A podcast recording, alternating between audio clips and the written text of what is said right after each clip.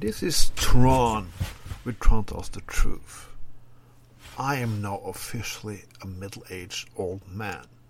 Well, I'm not happy about it. I wish I was 20 years younger and can just still have a lot of fucking fun, like, you know, responsibility and just drinking and travel everywhere and wake up in 4 o'clock in the afternoon, didn't have to work and so on and so on.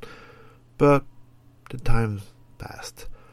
My funniest time was in the 90s.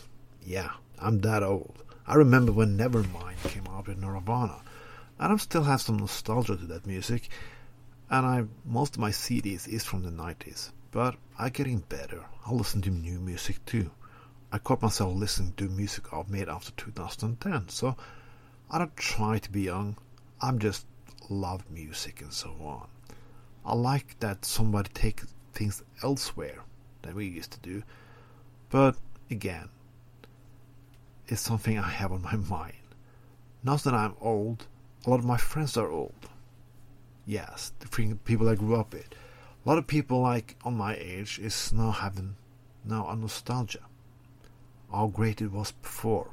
I talked about this before that nobody was nothing was really that great before. The same there was shit in the 1890s like there are today. There are things you have to overcome.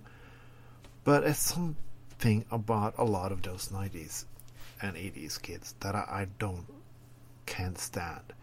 We would have lost and this these are like memes all, all over, over Facebook because I'm I'm inside groups just who are nostalgic like this was the greatest horror movies in the 1890s and so on. Yeah, I think it's fun. Watch old pictures, remember all VHS tapes and DVDs and so on.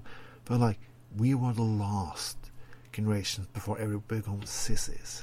Yeah, they were the last great generation because what?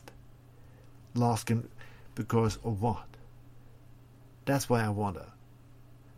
Well, when I was young, I said to myself that I would never say these things when I grew older, and my parents always laughed, yes, you're gonna do it.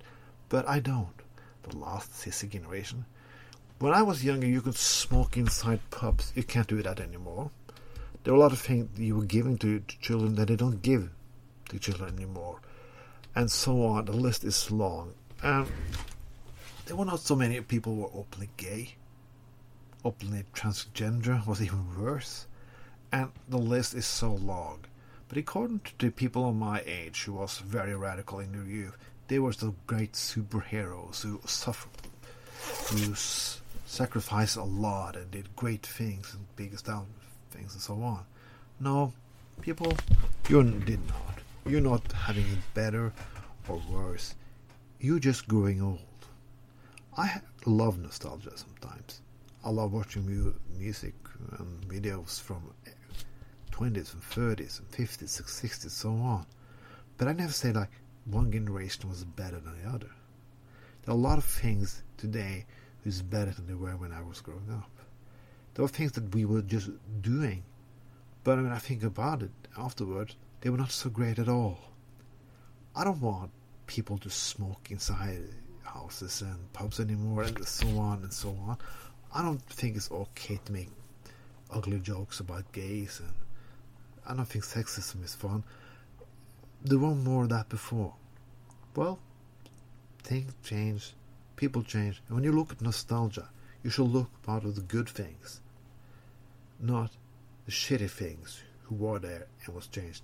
Is a reason why they changed, because young generations can't take up with it anymore. They are fed up with it. Like we were fed up a lot of things from the 80s. Like people in the 80s were fed up a lot of things by the 70s, and so on and so on. It's called progress, movement. You can be young in your mind and you can have a nostalgia, but please stop this bullshit. Don't make your brain grow so fucking old that you can't learn anything. This was Tron with Tron Tells the Truth. Have a nice day.